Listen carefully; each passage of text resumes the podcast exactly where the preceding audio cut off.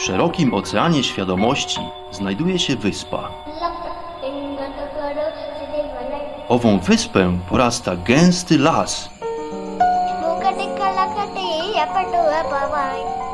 W dalekiej głębi tego właśnie lasu znajduje się słoneczna polanka.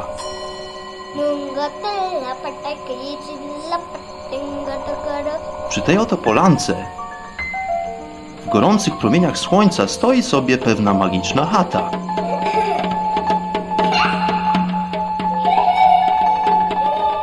Właśnie tam żyje pewien mistyk.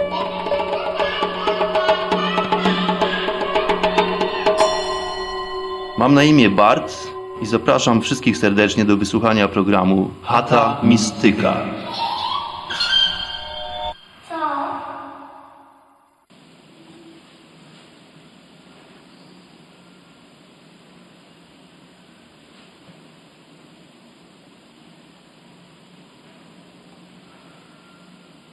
Namaskaram, drodzy słuchacze. Witam wszystkich serdecznie i pozdrawiam na wstępie. Tutaj Bart.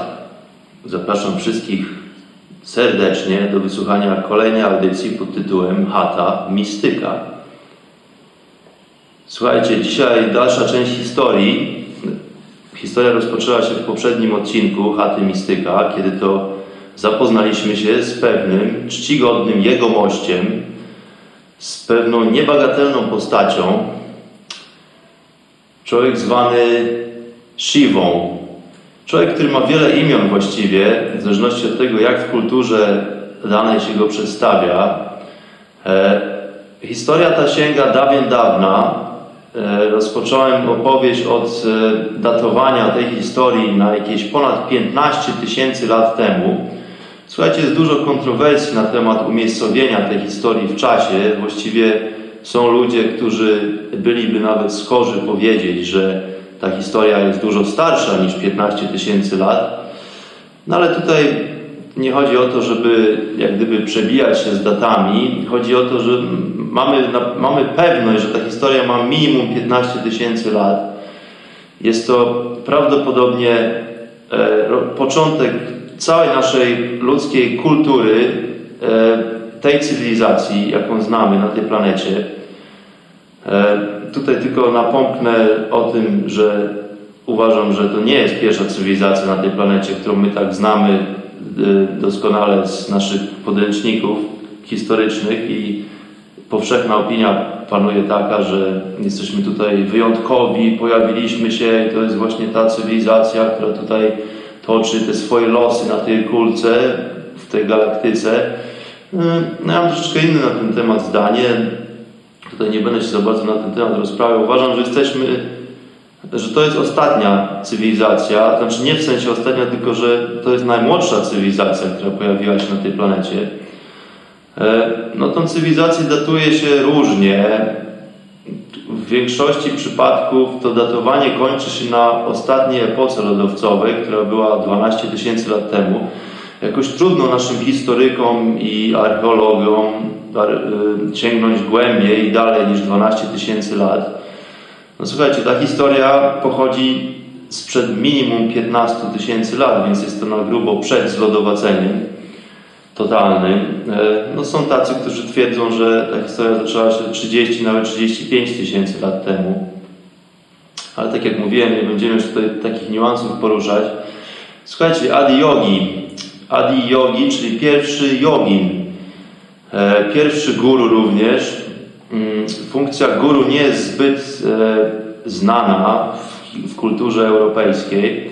Warto parę zdań na ten temat powiedzieć. Słuchajcie, mm, Guru funkcja czcigodna, e, pewnego rodzaju drogowskaz. Guru jest to, jest to człowiek, który jest mistrzem, mm, który nie jest nauczycielem w tego słowa znaczeniu, jak my to rozumiemy w kulturze naszej zachodniej. E, to jest bardziej osoba, która jest takim drogowskazem, która pokazuje Ci drogę i ewentualnie stwarza dla Ciebie warunki do tego, abyś Ty drogi słuchaczu, droga słuchaczko, albo drogi słuchaczku, zagłębił się do wewnątrz siebie i odnalazł całą prawdę i to, czego szukasz wewnątrz siebie. E, no dlatego jest to dosyć ciężkie, nie jest to słowo łatwe do przetłumaczenia, nawet na język nasz pradawny, słowiański. Ja, ja myślę, że dawno, dawno, dawno temu były takie funkcje sprawowane mm, w społecznościach słowiańskich, w społecznościach lechickich. Na długo zanim zostaliśmy obwołani Polanami, dlatego że nasza historia sięga dawien, dawien, dawien, dawien, dawien, dawien, dawien. Słuchajcie, dziś, w dzisiejszych czasach taka funkcja wydaje się nie istnieć, ta, ta funkcja gdzieś zaginęła po drodze. Tutaj w kulturze hinduskiej, e, dlatego że dla tych, którzy są niezaznajomieni z tematem i którzy nie słuchali do tej pory jeszcze chaty mistyka, tutaj taką informację wrzucę, taką wrzutkę, że znajduje się w Indiach, w bardzo specyficznym miejscu na południu Indii. Jestem właśnie pod pieczą jednego z takich mm, wybitnych mistrzów. Taki, taki jest tutaj właśnie taki, taka osoba, która nazywana jest guru. Słuchajcie, nie jest to żaden kult, nie jest to żadna desperacja, to nie są ludzie, którzy nie mają mm, jakiejś szansy istnienia na zewnątrz tego miejsca i tutaj po prostu potracili głowy i wszyscy są tutaj podążają za jakimś, za, ślepo za jakimś kultem. Nie, nie, to jest wręcz odwrotnie. Słuchajcie, guru to jest osoba, która do niczego nie zmusza. Guru to jest swoistego rodzaju drogowskaz, osoba, która stwarza warunki, po to, abyśmy mogli rozwijać się duchowo. Dlatego, że cały rozwój duchowy i poszukiwanie prawdy może odbyć się tylko na tej zasadzie, jeżeli podejmiemy tą pracę samodzielnie. To nie jest coś, co można wykuć na pamięć, to nie jest coś, co może zostać nam wtłoczone, wpojone przez kogoś innego, mądrzejszego, bardziej światłego, nazwijmy to sobie jak chcemy. Nie, nie, nie. Słuchajcie, praca wewnętrzna, tylko i wyłącznie, dlatego że cała prawda żyje wewnątrz nas samych. Nie trzeba czytać tysiąca mądrych ksiąg i oglądać jakichś filmów dokumentalnych i, i patrzeć się na, na ludzi, którzy wydają się być mądrzejsi. Nie, nie, to wszystko jest, słuchajcie, zupełnie inaczej. Ta cała metoda polega na tym, aby stworzyć sobie takie warunki, przede wszystkim wewnętrzne, ale również troszeczkę zewnętrzne w naszym środowisku, w którym żyjemy na co dzień, aby taka praca duchowa mogła się rozpocząć i żebyśmy mogli zagłębić się do wewnątrz siebie, dlatego że wydaje się, że cała odpowiedź, wszystkie odpowiedzi na nasze nurtujące nas pytania egzystencjalne i różne inne skomplikowane kwestie, to wszystko jest jak gdyby zaprogramowane wewnątrz nas samych. Jeżeli raz wstąpimy na drogę taką, tego typu, jeżeli dokonamy takiego wyboru i zdecydujemy się na podjęcie takiej pracy, to wydaje mi się, że nie ma już za bardzo odwrotu. To nie jest nic negatywnego, dlatego że to, to jest po prostu jedna jedyna forma pozyskiwania wiedzy i doświadczenia duchowego. To jest taka forma zadania domowego, którego nikt, nikt nie może za nas odrobić. I nawet guru nie jest w stanie tego zadania odrobić za nas, ale jest w stanie nam bardzo mocno pomóc. Jest w stanie, e, jest w stanie e, no powiem to kolejny raz, stworzyć nam takie warunki, kiedy to poznanie, tą wiedzę po prostu e, nasiąk, no, po prostu nasiąkamy tą wiedzą. Nie jest to proces łatwy, Guru jest formą takiego właściwie urządzenia, można by powiedzieć, dlatego że sama jego obecność mm, powoduje, że pewne, że pewne niuanse energetyczne, pewne formy energetyczne zaczynają się troszeczkę inaczej zachowywać. Dzięki temu my stajemy się też bardziej podatni na pewne energie, i jesteśmy taką pracę duchową w stanie odbyć dużo łatwiej niż bez obecności takiego guru. Jest to dosyć ciekawy koncept. E, ja poruszę ten koncept w przyszłych odcinkach atymistyka. Tutaj chciałem tylko wspomnieć właśnie tych parę kwestii, mm, trochę zarysować tutaj charakter guru. Funkcja guru nie jest, nie jest zbyt prostą funkcją, dlatego że mm, no w, szczególności, w szczególności w świecie zachodnim, w krajach zachodnich to kojarzy się dosyć negatywnie, zwykle z jakimś właśnie takim bezmyślnym podążaniem za człowiekiem, który ma, ma jakieś tam niechlubne zamiary wobec, wobec masy ludzi. Mm, dlatego ten guru zawsze będzie bardzo mocno obserwowany przez różne środowiska zewnętrzne. Zawsze ludzie będą próbowali znaleźć dziurę w całym, zawsze będą próbowali wytknąć mu jakieś błędy i tak dalej, i tak dalej. Jest na świecie bardzo dużo fałszywych guru, warto to wspomnieć też. Nawet tutaj w Indiach, ponieważ to jest kultura, w której duchowość rozwija się od samego początku, właściwie od dzieciństwa. Dzieci nasycone są tą e, duchowością, nie religijnością, tu warto wspomnieć. Religijność i duchowość to są dwie odrębne rzeczy. E, tutaj w tej kulturze hinduskiej jest to dosyć powszechne, że, że rozwój duchowy następuje od bardzo wczesnych lat. Jest dużo ludzi, którzy takie funkcje takich przewodników duchowych pełnią, podejmują się takich funkcji.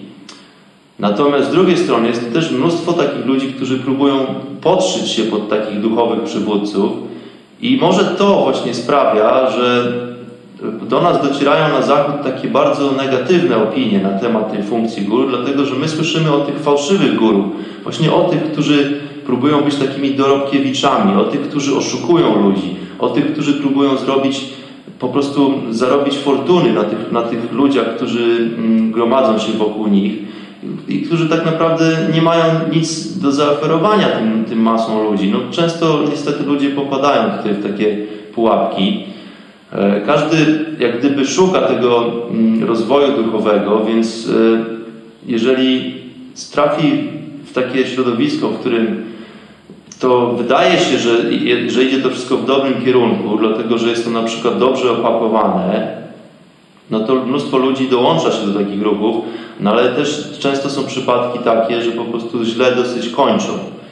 Tak, i to zdarza się rzeczywiście, że, że, są masowe samobójstwa, że to są po prostu bardzo jakieś nieprzyjemne sprawy powiązane z tym. Ludzie tracą całe fortuny, oferują po prostu wszystkie swoje zarobki tym oto czcigodnym guru, a oni, niektórzy z nich po prostu jak gdyby prowadzą podwójne życie, dlatego że mają inny wizerunek przed tymi swoimi mm, przed, przed, przed tymi swoimi zgromadzeniami, a oprócz tego żyją sobie drugie życie, bardzo wygodne, dostatnie, gdzie mają po prostu, jeżdżą bogatymi, z, z drogimi samochodami, mają jakieś wielkie hawiry, mają kochanki, więc często się to wiąże ze skandalami jakimiś seksualnymi. No ale słuchajcie, nie, nie o tym chciałem mówić właściwie, bo tutaj się troszeczkę już odbiegam od tematu. Chciałem wszystkich uspokoić. Słuchajcie, guru to jest naprawdę czcigodna funkcja, to jest, e, to jest kawał roboty. Tak naprawdę podjąć funkcję bycia guru, to, jest, to trzeba poświęcić na to całe swoje życie. Po prostu trzeba ofiarować się ludziom, bo na tym głównie polega funkcja guru. To jest po prostu ofiarowanie swojego życia innym ludziom.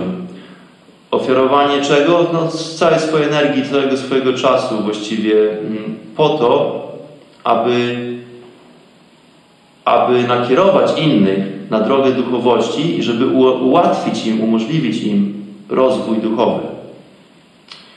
Więc słuchajcie, takim pierwszym przewodnikiem duchowym na tej planecie w historii tej cywilizacji za takiego pierwszego przewodnika jest uważany Shiva. Postać niebagatelna. Rozpocząłem opowieść o Siwie w poprzednim odcinku Chaty Mistyka. Przybysz znikąd, słuchajcie. I to nie jest tylko powiedzenie, że przybysz znikąd, dlatego że można by to potraktować właściwie dosłownie. Ten, to jest człowiek, który dosłownie przybył znikąd, słuchajcie. E, ja do tego dojdę jeszcze tutaj w rozważaniach. Słuchajcie, człowiek, który pojawił się w wysokich partiach Himalajów, bardzo charyzmatyczna postać, e, jego niesamowity wizerunek, jego niebywałe zachowanie sprawiły, że zaczęli wokół niego gromadzić się ludzie, dlatego że on zachowywał się niecodziennie. Nie rozmawiał z nikim, nie miał z nikim kontaktu, on po prostu pojawił się, nikt nie wiedział kim jest, skąd przybył, i, on, I rozpoczął taki szaleńczy taniec po prostu. Albo tańczył i wirował w takiej ekstazie, albo po prostu siadał z zamkniętymi oczami i zamierał niczym kamień i po prostu tak tkwił godzinami, dniami, nawet tygodniami, nawet miesiącami. Ponieważ ludzie są ciekawi i chcieli dowiedzieć się, o co w tym wszystkim chodzi, co, co ten nie, niebywały przybysz reprezentuje sobą, zaczęli się wokół niego gromadzić. No ale jak to z ludźmi bywa, ponieważ Shiva nie za bardzo się nimi przejmował i, i ignorował właściwie wszystkich, którzy po, po przychodzili i zasiadali i spędzali długie dni wokół niego, mnóstwo ludzi po prostu zrezygnowała z, z obserwowania jego, znudziło im się to i postanowili opuścić tego niebywałego przybysza. Ale słuchajcie, z, z, znalazło się siedmiu śmiałków, Wspomniałem, oni się nazywają w tradycji tutaj e, jogińskiej, to z sanskrytu pochodzi septa rishis. Septa, czyli siedmiu, rishis w sensie dosłownym, gdyby przetłumaczyć rishi, to jest ten, który e, rozwija się duchowo.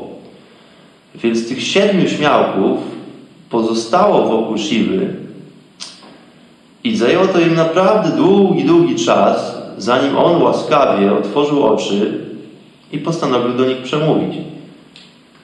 To oni właśnie stali się powiernikami wiedzy Siwy, potężnej, niesamowitej wiedzy na temat tego, jak funkcjonuje człowiek, jak funkcjonuje życie oraz całe istnienie i całe stworzenie, słuchajcie. To jest, to jest nauka, która wykracza poza tą planetę, to jest nauka o kosmosie, o wszechstworzeniu, o wszechistnieniu.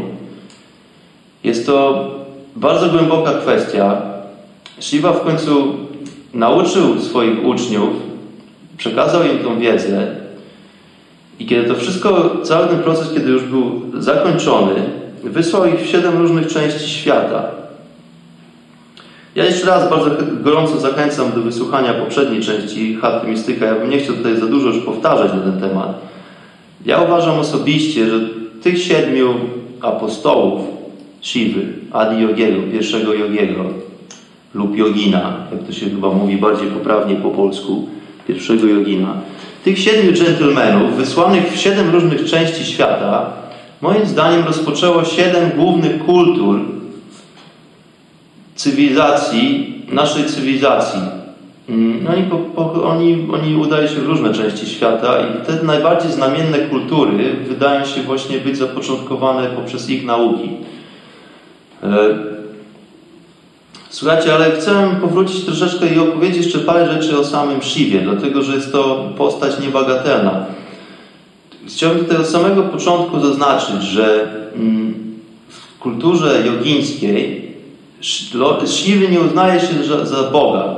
Mnóstwo ludzi e, zrobiło sobie z niego Boga, dlatego że tutaj na, w Indiach jest po prostu wielokulturowość, pomimo tego, że z jeden kraj jest, kraj, kraj jest tak potężny, istnieje tutaj wiele języków, istnieje tutaj wiele różnych kultur, jest, jakaś tam, jest jakiś tam wspólny trzon kultury, można by powiedzieć, ale tak naprawdę każdy obszar e, charakteryzuje się troszeczkę innym, inną kulturą. Ludzie troszeczkę inaczej się ubierają, troszeczkę inaczej się zachowują.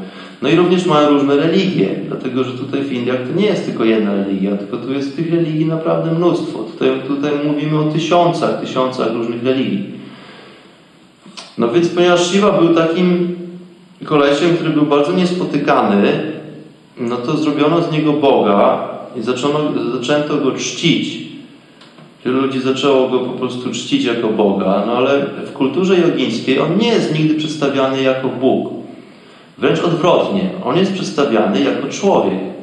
Z krwi i kości po prostu chłop, człowiek. Słuchajcie, chłop jak drwal, dlatego że przesłania mówią, że Shiva miał tak naprawdę prawie 2,5 metra wzrostu. Słuchajcie, że to nie bagatela. Chłop był silny, e, bardzo charyzmatyczny, no ale na pewno nie był to Bóg. Słuchajcie, no miał moce jak gdyby ponadludzkie, dlatego że pojął całą istotę istnienia, całą istotę stworzenia. Dlatego mógł te moce wykorzystywać. Mm. Ale to, ale to nie jest taki Bóg, że Pan, tak jak Pan Bóg siedzący na tronie z długą siwą brodą, to wręcz przeciwnie. Shiva przedstawił światu wiedzę na temat funkcjonowania człowieka i mechaniki, mechaniki ludzkiej, czyli w, w, używam słowa mechanika nie bez powodu, dlatego że ciało ludzkie jest, taką, jest takim po prostu niesamowitym gadżetem, bardzo skrupulatnie zaprojektowanym i funkcjonującym, taką maszynką właściwie, można by powiedzieć, ale jedno, jest to najdoskonalsza maszyna po prostu na, tym, na tej planecie. No nie ma co ukrywać, słuchajcie. Jeżeli tylko wiemy, jak obsługiwać tą maszynę, jak się z nią obchodzić, to ta maszyna jest w stanie po prostu mieć dosyć duże osiągi i trwać bardzo długo również. Czyli jeżeli wiemy, jak opiekować się ciałem, ale ciało to nie jest tylko jedyna nasza forma egzystencji, istnienia, dlatego że oprócz ciała fizycznego mamy też ciała energetyczne, mamy też ciało emocjonalne. Jeżeli wiemy, jak te wszystkie elementy tutaj razem prowadzić, jak się nimi zajmować w odpowiedni sposób, no to słuchajcie, mamy do czynienia z maszyną, która jest po prostu najbardziej wysublimowaną formą istnienia w tej części galaktyki. No i właśnie taką praktyczną wiedzę Shiva chciał nam przekazać. I dzięki jego uczniom, dzięki temu, że ci uczniowie rozpowszechnili tą wiedzę na resztę, na, na, w innych częściach tej planety, ta wiedza dotarła do nas nawet, do, dociera do nas nawet teraz, po tych 15 tysiącach lat. Ta wiedza nazwana została jogą. Słuchajcie, yoga to nie jest żaden fitness, tak jak się wielu ludziom kojarzy. To nie jest jakieś rozciąganie, robienie jakichś tutaj dziwnych wygibasów i po prostu figur, które wiążą się z torturowaniem ciała. To nie o to chodzi. Słowo yoga, dosłownie tłumaczone z sanskrytu, oznacza ujednolicenie. Jest to swoistego rodzaju unia pomiędzy fizycznością a energetycznością, energetyką i duchowością. Słuchajcie, jest to połączenie po prostu tych trzech elementów w jedną spójną całość. To nie chodzi tylko o to, żeby ćwiczyć ciało. Chodzi o to również, żeby wyćwiczyć swój umysł i żeby, wy, żeby dojść do takiego momentu, kiedy jesteśmy w stanie kontrolować nie tylko ciało i nasze emocje, ale również energię, dlatego że my jesteśmy zasilani odgórnie energią, która jest energią kosmiczną właściwie. I jeżeli wiemy, jak wykorzystywać te fakty od funkcjonowania naszych, nas, naszego jestestwa, naszego organizmu, to po prostu możemy osiągnąć niebywałe cele. No więc Shiva ma dosyć istotny wizerunek w kulturze jogińskiej. Bardzo zależy joginom na tym, żeby właśnie nie przedstawiać go jako Boga, tylko jako człowieka. Więc on często jest pokazywany e, na przykład e, z takimi rozcięciami na skórze albo z zabliźnionymi ranami, po, po, po to, żeby pokazać, że on po prostu doświadczył różnych trudno, trudności w życiu. Że jest to również, że jest tak najbardziej człowiek, który jest narażony na, na, na to, żeby że, że może się zranić, e, że nie jest jakimś super hirosem, który po prostu jest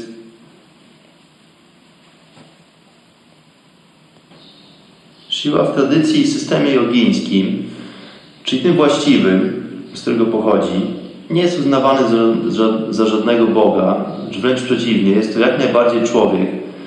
Może poniekąd człowiek o nadludzkich cechach, ale nadal człowiek.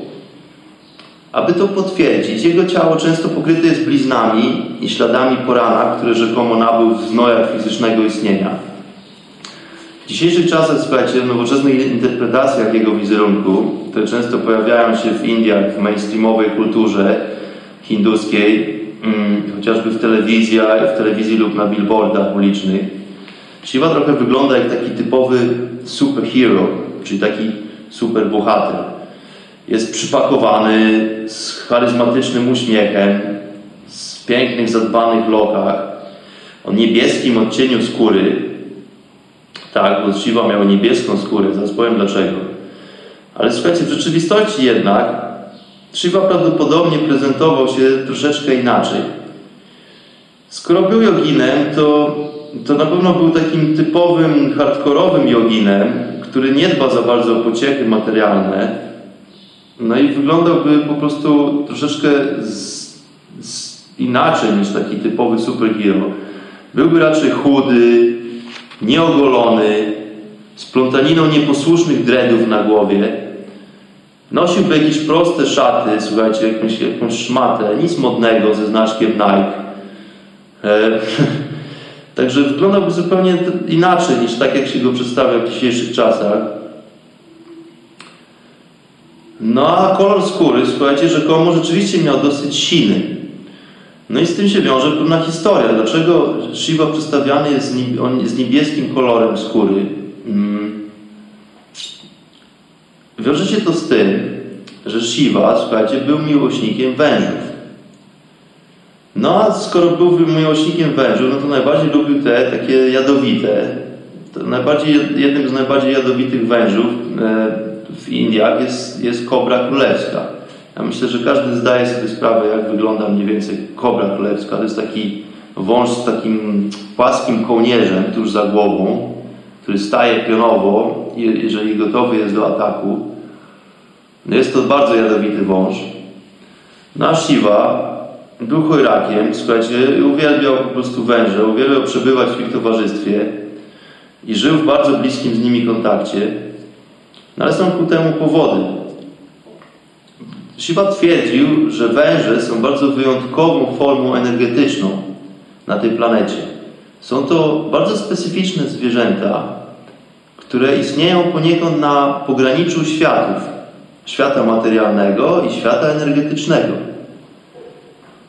E, ponadto jest to zwierzę, które całe, całym swoim ciałem przylega do ziemi, więc w sposób naturalny musi być bardzo uziemione. Tak? My jesteśmy jako ludzie, poruszamy się przy pomocy kończyn, czyli no, poruszamy się przy pomocy nóg i właściwie powierzchnia styku naszej stopy z ziemią jest stosunkowo niewielka do, do powierzchni naszego ciała. Więc my uziemiamy się mm, no, troszeczkę rzadziej i troszeczkę mniej niż, no, niż taki wąż, który przylega całym ciałem do, do ziemi. E, dodatkowo, dodatkowo w naszej cywilizacji mm, doszło do tego, że większość czasu spędzamy w butach. Zaprojektowaliśmy sobie modne buty, mm, no i chodzimy wszyscy w butach, słuchajcie, nawet wtedy, kiedy nie, nie ma takiej potrzeby. Ja rozumiem, że ze względów klimatycznych czasami trzeba założyć buty, czasem pada śnieg, Czasem pada deszcz, no jest nieprzyjemnie, warto założyć buty, ale słuchajcie, bardzo naprawdę serdecznie polecam wszystkim uziemianie się, po prostu uziemianie się. Jeżeli tylko macie okazję, jeżeli wrócicie do domu, jesteście już e, nigdzie nie musicie wychodzić, nie zakładajcie kapci, chodźcie sobie po prostu na bosaka i tak długo jak to jest możliwe, po to, żeby właśnie się uziemiać. Naprawdę energia zupełnie inaczej funkcjonuje w naszych organizmach, jeżeli mamy styczność z mamą ziemią. Także tylko tutaj tak gorąco polecam. Nikt nie, do nikogo, nikogo nie nakłania, nie przekonuje. Ja sam chodzę na bosaka większość część roku i bardzo to polecam, bardzo sobie to cenię. Słuchajcie, wąż taki porusza się nie mając kończyn natomiast. A jak on się porusza?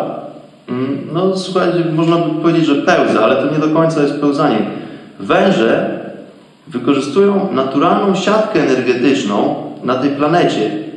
Dlatego, że cała planeta pokryta jest po prostu siatką zależności energetycznych. Takie węże doskonale odczuwają tę siatkę energetyczną i są w stanie dzięki temu poruszać się. Nie tylko węże są takimi zwierzętami, e, właściwie wszystkie owady latające również wykorzystują taką siatkę energetyczną może nawet nie wszystkie, może nie tylko nawet latające, prawdopodobnie zaryzykowałbym stwierdzenie, że wszystkie owady funkcjonują tutaj na, na tej planecie, po prostu wykorzystując ten fenomen, że jest taki półświat, czyli taki świat pomiędzy światem materialnym i energetycznym.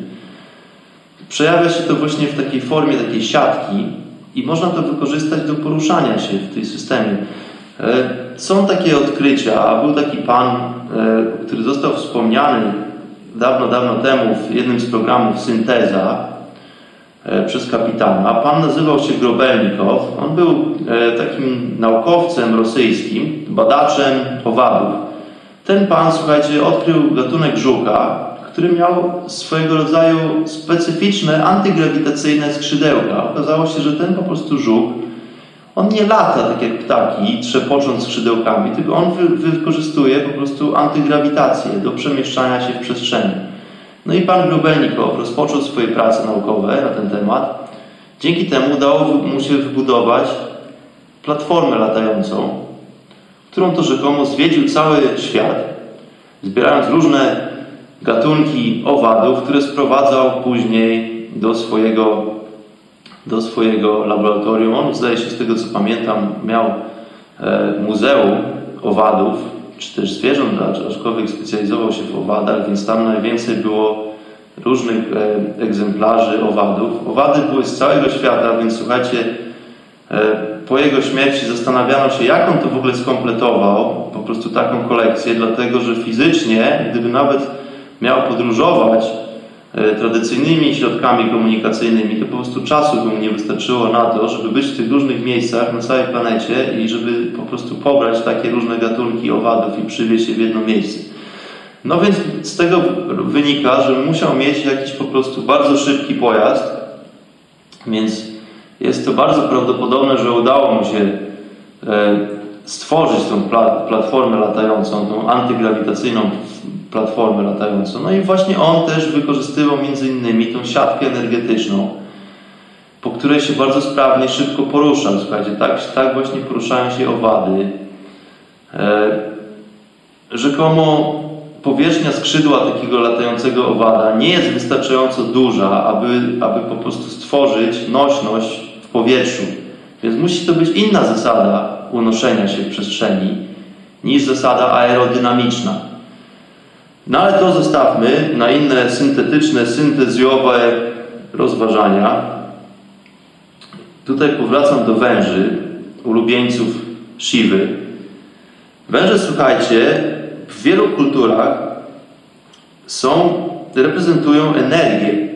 Są bardzo obecne w różnych symbolach, różnych kultur na tej planecie. No, a jest ku temu powód, no, dlatego że węże są właśnie bardzo energetycznymi zwierzętami, stworzeniami. Istnieją jak gdyby na pograniczu światów. Zresztą, jeżeli ktoś kiedykolwiek z słuchaczy doświadczył substancji mm, wszelakich, to wie dokładnie o czym mówię. Węże zawsze, zawsze, prędzej czy później pojawiają się w naszych doświadczeniach psychoaktywnych, no i to właśnie dlatego, że węże po prostu istnieją gdyby na pograniczu dwóch światów. Więc ta symbolika węży w różnych kulturach, w różnych częściach tego świata zawsze była i jest obecna. Na co chodziło z niebieską skórą siwy? No, słuchajcie, skóra była niebieska, była właściwie sina, no bo wypadki się zdarzają, pomimo tego, że Siwa był super kozakiem, znał się doskonale na wężach, były to jego ulubione zwierzęta. Wiedział, jak się z nimi obchodzić, no to czasem jednak doznawał ukąszeń tych jadowitych bestii. No bo słuchajcie, nie mówimy tu o paru wężach, tylko mówimy tu naprawdę o wielu, wielu, wielu wężach, które zawsze były w jego e, towarzystwie.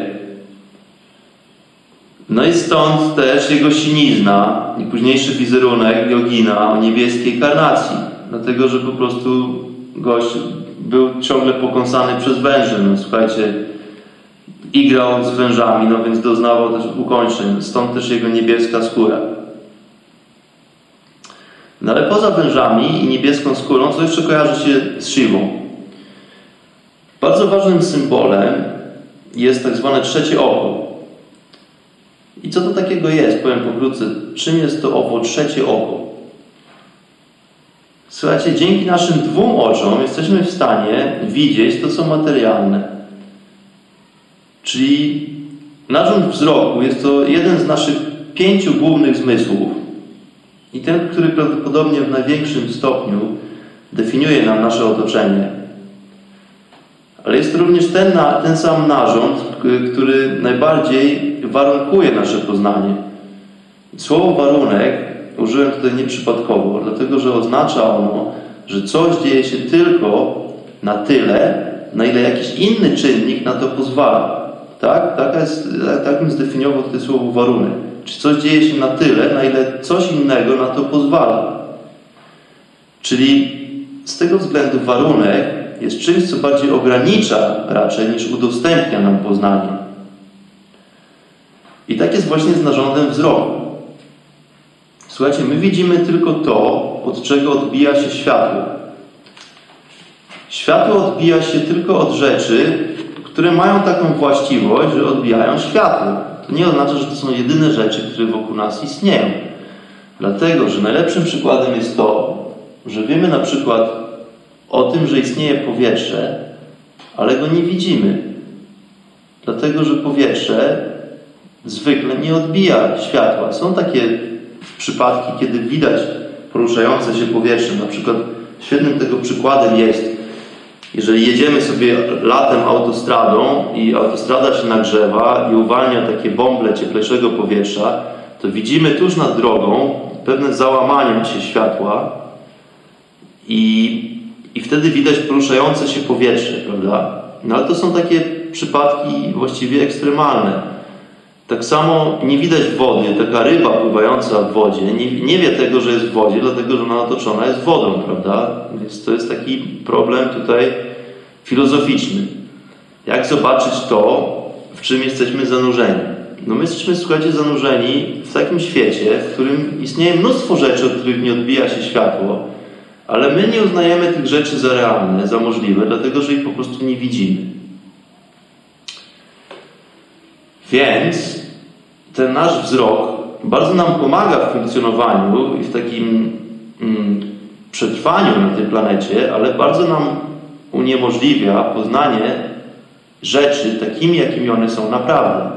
Dlatego, że nawet widząc przedmiot, to my nie widzimy tego przedmiotu takiego, jakim ten przedmiot rzeczywiście jest, tylko widzimy ten przedmiot takim, jakim on nam pozwala odbić światło, nas zauważyć Później ten impuls idzie do naszego, wędruje do naszego oka, to światło odbite od przedmiotu i nasz mózg interpretuje sobie to na swój własny sposób, a ponieważ jesteśmy w stanie zinterpretować tylko to, co wiemy, jesteśmy w stanie jak gdyby połączyć tylko tą, te wszystkie mm, jesteśmy w stanie połączyć te wszystkie doświadczenia, które do tej pory już nastąpiły. Nigdy nie jesteśmy w stanie jak gdyby pojąć tego, czego nie widzieliśmy do tej pory.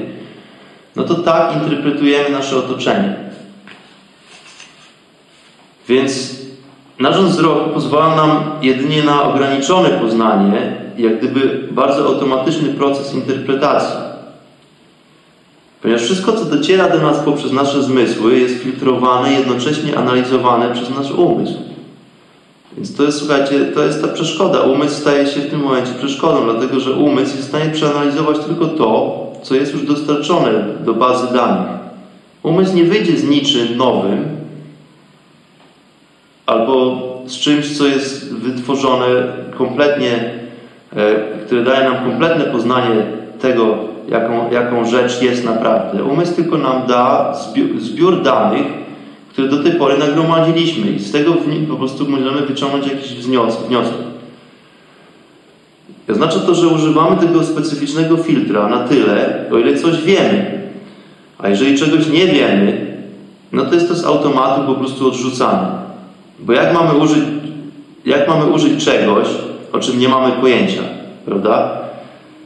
Tak więc poprzez nasze oczy poznajemy świat takim, jakim on nam się wydaje właściwie, a nie takim, jakim on w rzeczywistości jest. No i podobnie z innymi zmysłami. E, wszystkie inne zmysły też są filtrowane, to znaczy zmysły nie są filtrowane, tylko bodźce są pobierane przez zmysły i później filtrowane przez nasz umysł. Czyli jesteśmy w stanie tylko poznać to, co wiemy już do tej pory. I tak samo jest z narządem smaku, węchu, dotyku. Wszystko jest, wszystko jest bardzo podobne. My nigdy nie odczujemy czegoś takim, jakim, jakim to jest. My jesteśmy w stanie tylko poznać to na tyle, na ile już do tej pory się na ten temat czegoś nauczyliśmy, albo jesteśmy w stanie cząsteczkowo wybrać różne informacje i połączyć je w jedną całość, prawda? No i tutaj pojawia się właśnie kwestia trzeciego oka.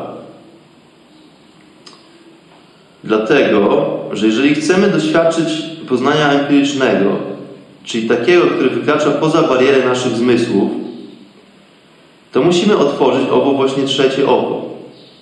Ja mówiłem o tym poszukiwaniu prawdy na samym początku. Ta prawda tkwi zupełnie poza naszym poznaniem zmysłowym. Więc jeżeli chcemy nauczyć się czegoś właściwego o tym, jaka jest prawdziwa natura świata i stworzenia, i nawet nas samych, bo my jesteśmy częścią tego wszystkiego, to my musimy zagłębić się do wewnątrz. My nie możemy się słuchać więcej tych zmysłów, które nam tutaj po prostu dostarczają błędne bodźce, błędne, błędny wizerunek tego świata. My musimy użyć zupełnie jakiegoś innego narzędzia poznawczego po to, żeby dowiedzieć się o tym, jak stworzenie wygląda realnie, jak wygląda naprawdę.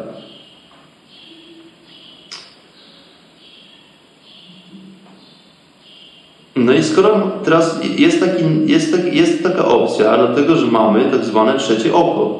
I słuchajcie, to właśnie to pozwala nam, nam na, na kompletnie inny wymiar percepcji tego świata. Jest to swoistego rodzaju spojrzenie wewnątrz nas samych, raczej niż obserwacja tego, co na zewnątrz. Czyli kierujemy się do wewnątrz, raczej niż oglądamy się, niż rozglądamy się dookoła. Poznanie prawdy totalnej i uniwersalnej jest zawsze tylko i wyłącznie drogą do wewnątrz. O tym już wspomniałem parę razy, o tym jeszcze będę wspominał wielokrotnie, dlatego że to jest kwestia, którą po prostu trzeba tutaj sobie wyróżnić. Słuchajcie, proponuję zrobić tutaj sobie chwileczkę przerwy, bo tutaj się rozgadałem już o tych różnych rzeczach na temat siwy. To ja proponuję po prostu, żebyśmy wzięli sobie trzy głębokie oddechy, wszyscy razem i zatrzymali się na chwilę w miejscu, mm, żeby w tym szaleńczym pędzie tutaj, słuchajcie, nie funkcjonować cały czas. E, także jeżeli macie opcję, to po prostu zostawcie to, co trzymacie w tej chwili w rękach. Przestańcie klepać w tą klawiaturę. No jeżeli jedziecie samochodem, to, to nie, nie, nie zostawiajcie kierownicy samej sobie. Jeżeli możecie, to się zatrzymajcie. I po prostu polecam wszystkim, żebyśmy zamknęli oczy i weźmiemy sobie trzy głębokie wdechy i zrobimy trzy głębokie wydechy i zrelaksujemy się troszeczkę. Także jeżeli jesteście gotowi, to zostawcie wszystkie przedmioty, które trzymacie w rękach w chwili obecnej. Weźmy głęboki, głęboki wdech nosem. Zrelaksujmy się, wydychając powietrze nosem.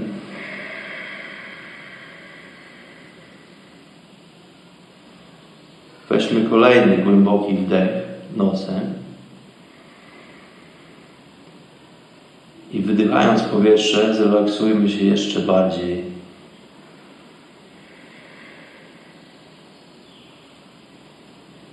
I weźmy trzeci głęboki wdech.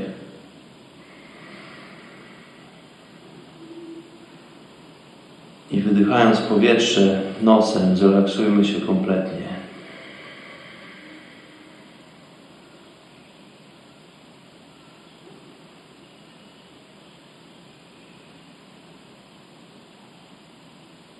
Powoli otwórzcie oczy, bardzo powoli. I uśmiechnijcie się do tego, że słuchacie programu Kata Mistyka. Ach, jak to dobrze jest czasem pooddychać. Słuchajcie, nie zapominajcie oddychać. Oddech jest bardzo ważny. Ach, jak się rzeźko zrobiło relaksacyjnie. Ja tymczasem, borem lasem, słuchajcie, wracam do opowieści o Siwie. Wezmę sobie łyczka wody jeszcze.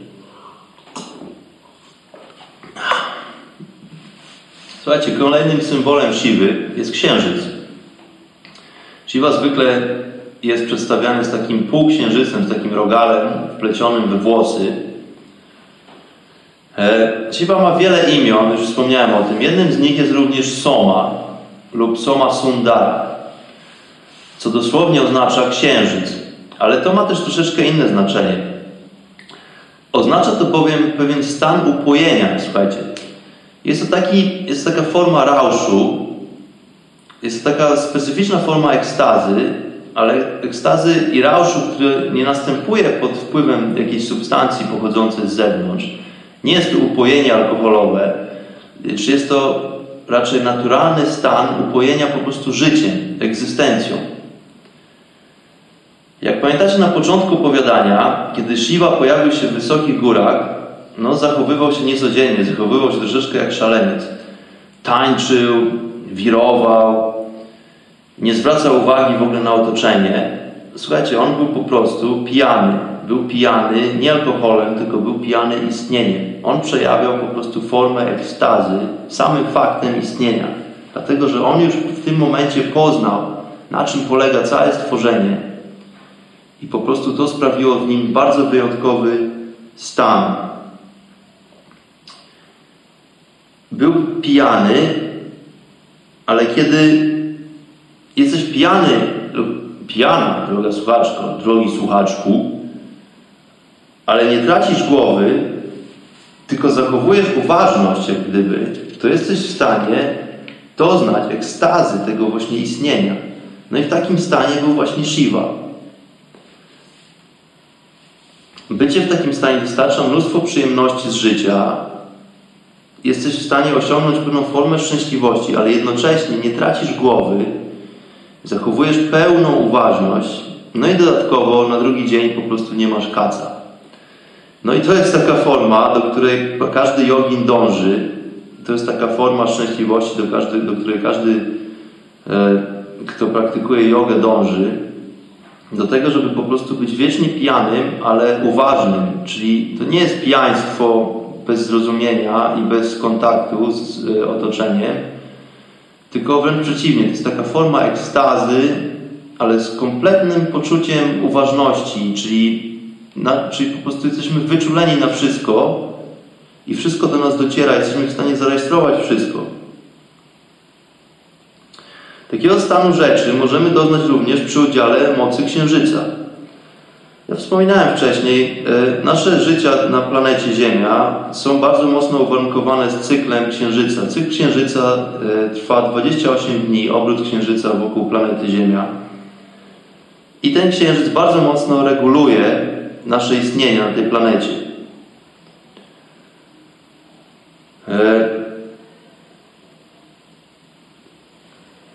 Jeżeli kiedykolwiek ktoś z Was wyszedł w środku nocy, jak była pełnia księżyca i patrzył się dostarczająco długo w górę, to też jesteście w stanie po chwili odczuć takie, takie, taki stan pewnego rodzaju upojenia, tylko patrząc się na księżyc.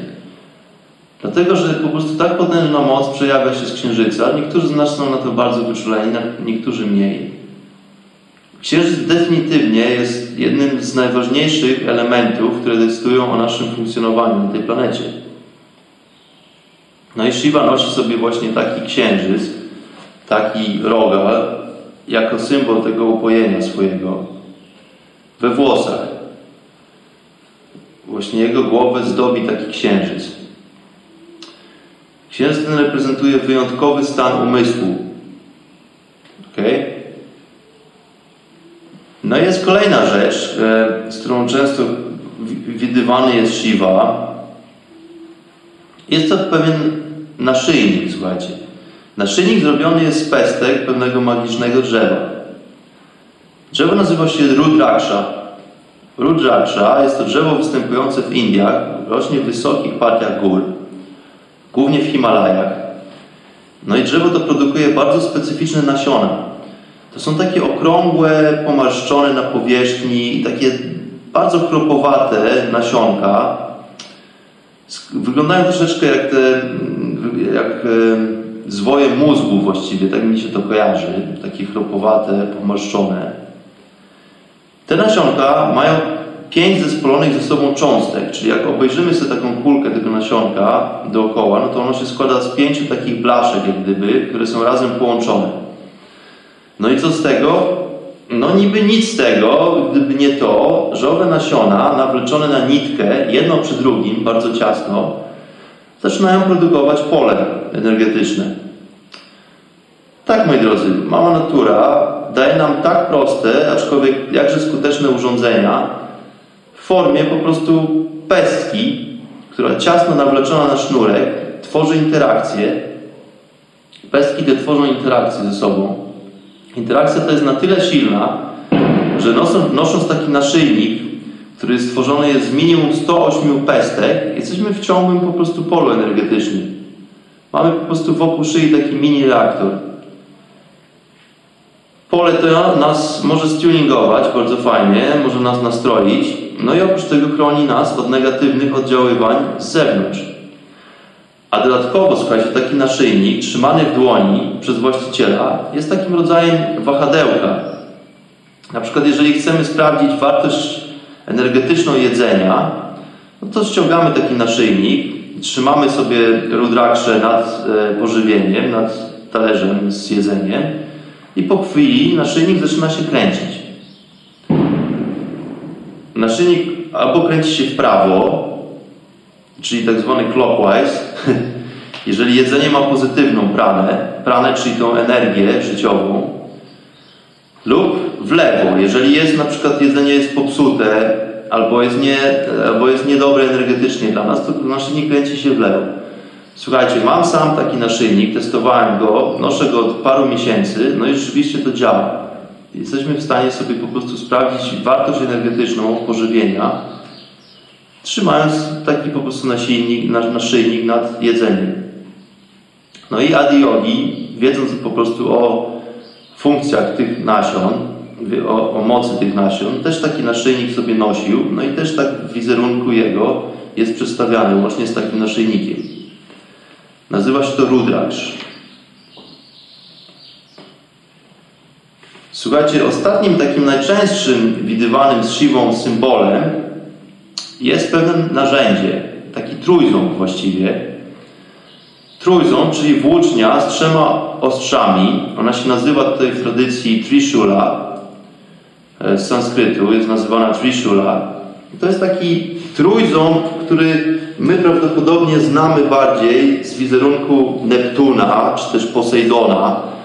Posejdon to, jak wiadomo z mitologii, to jest e, Bóg z mitologii greckiej. Neptun, taki właściwie odpowiednik e, zerżnięty z mitologii greckiej przez Rzymian. Oni to właśnie też takim narzędziem się posługują, słuchajcie, takim trójzębem, czyli taką włócznią zakończoną takim widelcem potrójnym. No ale to, to, to, tak jak wydaje się, że, to, że ten symbol pochodzi z dawien, z, e, z, z dawna. Co chciałem powiedzieć? No, chciałem powiedzieć, że pochodzi po prostu od Siwy, czyli jest dużo starszym symbolem niż ten, który wywodzi się z mitologii greckiej czy rzymskiej. No i o co chodzi tutaj z tym trójzębem? Więc trójząb reprezentuje u Siwy pewną trójzależność. Trójzależność e, pomiędzy stworzeniem, opieką lub zniszczeniem. Czyli z jednej strony mamy, mamy stworzenie, czyli, czyli Shiva jest stwórcą. Po środku ten ząb pośrodkowy symbolizuje opiekę, czyli Shiva jest opiekunem ludzi i świata. No a po drugiej stronie jest zniszczenie, dlatego że Shiva często uznawany jest za stwórcę i niszczyciela, dlatego że żeby coś stworzyć, to najpierw musisz to, musisz to zniszczyć. E, to jest, to, nie, to nie, nie chodzi o to, że musisz najpierw zdemolować wszystko po to, żeby coś stworzyć, tylko chodzi o to, żeby po prostu pozyskać ten materiał budulcowy do stworzenia, to musisz po prostu go skądś wziąć, gdyby. Więc stworzenie jest to tylko transformacja, pewnego rodzaju transmutacja energii.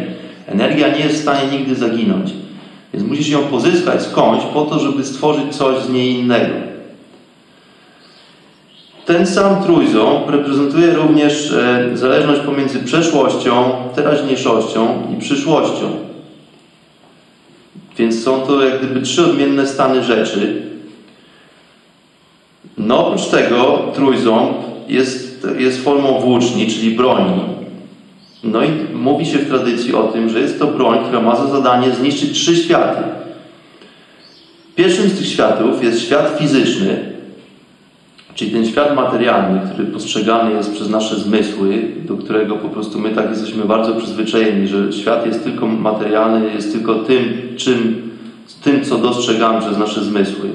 No więc ta broń ma zniszczyć ten, takie rozumienie świata, jako świata fizycznego tylko. Drugim rodzajem świata jest świat naszych przodków, czyli jest to kultura pochodząca z przeszłości. Czyli ten trójząb ma za zadanie też zniszczyć tą kulturę, dlatego że kultura jest ważna, ale kultura też może nas bardzo mocno ograniczyć, dlatego że my zbyt, e, gdyby mocno trzymając się, zbyt kurczowo trzymając się historii i kultury, nie jesteśmy w stanie znowuż doświadczyć tego, jakim świat jest, dlatego że my tylko poznajemy ten świat w taki sposób, w jaki nas nauczono poznawać ten świat. Więc kultura z jednej strony jest ważną rzeczą, z drugiej strony jest rzeczą, która bardzo ogranicza nasze poznanie. No i świat, trzeci świat jest to świat umysłu, czyli świat, w którym odczuwamy i reagujemy na różne bodźce dostarczane nam przez zmysły. Czyli ten świat fizyczny, który nas otacza, tak, jest interpretowany przez nasze zmysły. No i my reagujemy tylko na tyle i tylko na tyle odczuwamy ten świat, na, na ile rozumujemy ten świat poprzez nasz umysł. Więc ten umysł, ta nasza inteligencja, jest to również przeszkoda na drodze ku prawdziwemu poznaniu, dlatego że my poznajemy tylko to, co wiemy. No i te trzy światy są niszczone regularnie przez siwę i poniekąd zamieniane na jednolity świat, na jednolity plan istnienia, który to już nie wiąże się z dualnością tego świata, bo tylko jeżeli porzucimy właśnie tą dualność świata, to jesteśmy w stanie wprowadzić się w, pewną, w pewnego rodzaju błogość istnienia. Czyli tak długo, jeżeli będziemy postrzegać dualność świata, światło i mrok, jeżeli będzie e, pierwiastek żeński, męski, jeżeli będzie noc i dzień i tak dalej, i tak dalej. Po prostu cała ta dualność, która wprowadza tą straszną dramaturgię w naszym istnieniu. Jeżeli porzucimy to wszystko, jeżeli nauczymy się, jak postrzegać świat bez tych, bez tych różnic, bez tego plusa i minusa, no to wtedy osiągamy po prostu tą formę błogości istnienia, tą formę ekstazy. No i oprócz tego ten sam trójząb reprezentuje jeszcze kolejną rzecz. E, słuchajcie, w ludzkim ciele znajdują się trzy takie główne kanały energetyczne. Tych kanałów jest bardzo dużo. Tutaj tradycja jogińska podaje, że tych kanałów energetycznych na ciele ludzkim jest aż 72 tysiące, słuchajcie. Ale są trzy takie główne kanały energetyczne. Słuchajcie, jest Ida, Pingala i Shushumna. Ida i Pingala to są dwa kanały, które, mm, które, są, które ciągną się jak gdyby po każdej stronie naszego korpusu, po lewej i po prawej. A Shushumna to jest taki kanał energetyczny, który jest pośrodku nas. Więc te trzy kanały są reprezentowane przez ten trójząb, przez tą włócznię z trzema, e, z, z tymi trzema ostrzami. Ida i Pingala, czyli te boczne kanały, one łączą się, słuchajcie, na wysokości brwi naszych. To jest właśnie to miejsce, w którym zwykle przedstawia się to tak zwane trzecie oko, to, to trzecie oko poznania. Właśnie tam, gdzie spotykają się te, te trzy energetyczne kanały, dlatego że szuszumna też przechodzi przez ten kanał, tylko że różnica jest taka, że szuszumna, czyli ten środkowy kanał energetyczny, on idzie, on wykracza troszeczkę wyżej jeszcze, dlatego że on sięga aż do, do siódmej czakry, czy, czy do siódmego czakramu energetycznego, w którym jest nasza korona. Czyli tam, gdzie król nosi koronę, tam znajduje się właśnie bardzo potężne e, skupisko energii, czakra tak zwana koronna. I tam do tej, do tej czakry dociera właśnie ten środkowy kanał szuszumny. A te dwa pozostałe, Ida i Pingala, spotykają się na wysokości brwi. No i dlatego też ten trójząb, jeżeli jest rysowany czy przedstawiany razem z Siwą, no to właśnie ten środkowy ząb jest zawsze dłuższy, a te dwa poboczne są troszeczkę krótsze. No i oprócz tego, słuchajcie, jest, jeszcze, jest jeszcze coś takiego jak guny. No i to trzy guny, dosłownie z sanskrytu guny oznaczają struny.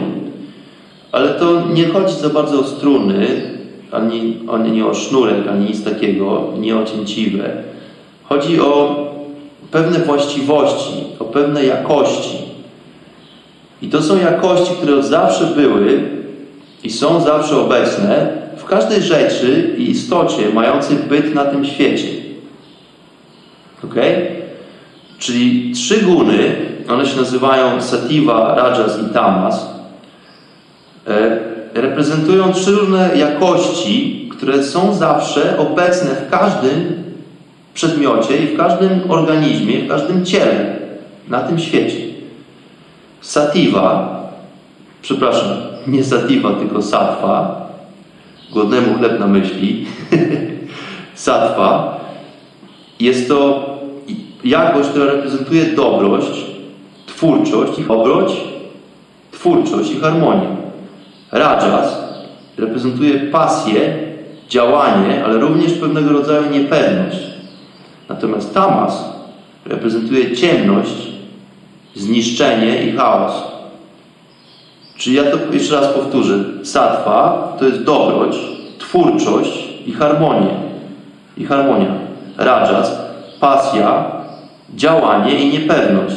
Natomiast tamas, ciemność, ciemność kojarzona jest również z niewiedzą, czyli ciemność, niewiedza, zniszczenie i chaos. I słuchajcie, wszystkie te jakości są według kultury jogińskiej obecne w każdym z nas i we wszystkim, czyli w każdym przedmiocie. Ale one są obecne w różnych proporcjach. I to właśnie decyduje, ta współzależność tych trzech elementów decyduje o jakości danego przedmiotu, decyduje o naszym charakterze, albo po prostu o naturze danego przedmiotu. Czyli mamy te trzy elementy i teraz w zależności od tego, jakie wymieszamy i w jakich proporcjach one będą istniały, one zawsze istnieją, tak? Tutaj jogini mówią, że one zawsze istnieją w każdym przedmiocie, w każdym człowieku, w każdym zwierzęciu, każdym fenomenie w tym świecie, aczkolwiek one istnieją w różnych proporcjach. Czyli w zależności od tego, ile będziemy mieli dawki dobroci, ile będziemy mieli dawki działania, niepewności albo po prostu zniszczenia w sobie, to będziemy mieli, to będziemy mieli taki właśnie dany charakter ludzki. E, no i tak samo z przedmiotami. Jeżeli po prostu przedmiot będzie miał określoną wartość, jeżeli będzie miał e, więcej pewnych wartości w sobie, a mniej innych, no to to określa charakter tegoż to właśnie przedmiotu. No dosyć ciekawy koncept. E, słuchajcie, patrzę tutaj na zegarek. Czas audycji dobiega końca niemiłosiernie. Shiva jest taką postacią, której tutaj mógłbym gadać i gadać i ja myślę, że jeszcze będę często wracał do tej postaci. Na razie chciałem tylko zarysować tę kwestię, zapoznać Was z postacią tego gentlemana. E, przedstawiłem Wam tutaj pewne popularne symbole, z którymi kojarzy się Shiva też. No jest to dla mnie postać niesamowita. Słuchajcie, mój idol od paru miesięcy. Moim zdaniem postać na pewno definitywnie faktyczna. Na pewno była taka postać, która po prostu stąpała po tej planecie. No, przerodziły się różne przekazy w mity i różne historie, y, religie i tak dalej. Ja bym to wszystko zostawił na boku, czy ja bym trzymał się po prostu faktów. Postać niesamowita. Myślę, że powinniśmy być bardzo wdzięczni ty, temu Panu za mm, przekazanie po prostu tak niesamowitej wiedzy. E, również za, za zachowanie tak niesamowitej wiedzy. Ja wspomniałem w poprzednim odcinku o górze Kailash w Himalajach, gdzie Shiva, który posiadł te wszystkie moce, po prostu postanowił zakodować całą tą swoją wiedzę w takiej formie, żeby ona istniała nienaruszona na wieki wieków, żeby po prostu nikt nie mógł tej wiedzy ani zniszczyć, ani po prostu przeistoczyć, ani żeby tam nie było po prostu różnych mm, przekłamań w przekazie. On po prostu tą wiedzę zachował w formie energetycznej, nie w formie książek, nie w formie przekazów ustnych, tylko w takiej formie, że jeżeli wiesz, jak się podłączyć do tego nośnika informacji, no to każdy tę wiedzę po prostu może sobie tam zczytać z tej góry. Postać definitywnie mm, oświecona, bardzo charyzmatyczna. Słuchajcie, też istny rebelian właściwie. E, człowiek, który ma wiele imion, w zależności od tego, jak, jak się go przedstawia, w jakich opowieściach. E, no i, no i cóż, zachęcam bardzo mocno do mm, pogłębiania wiedzy na, na temat e, tej tradycji. Ja postaram się jeszcze tutaj parę takich różnych faktów w przyszłych audycjach chaty mistyka przywołać. No i zachęcam wszystkich po prostu do słuchania kolejnych odcinków, tutaj tych rozważań moich. Mm, wszystkich bardzo serdecznie pozdrawiam. Słuchajcie, przede mną kolejna podróż. Mm, już za parę dni siadam znowu w żelaznego ptaka, aby udać się w zupełnie inną część świata. Tam, gdzie jeszcze nie byłem, słuchajcie. Także kolejna część chaty mistyka prawdopodobnie będzie nagrywana już nie w Indiach, a słuchajcie, w Australii, no bo tam się właśnie udaje. Ale bez obaw, chata mistyka trwa. Zachęcam wszystkich do kolejnego odcinka. Mm, ja mam na imię Bart. Pozdrawiam wszystkich bardzo, bardzo serdecznie. I trzymajcie się, moi drodzy. Namaskaram.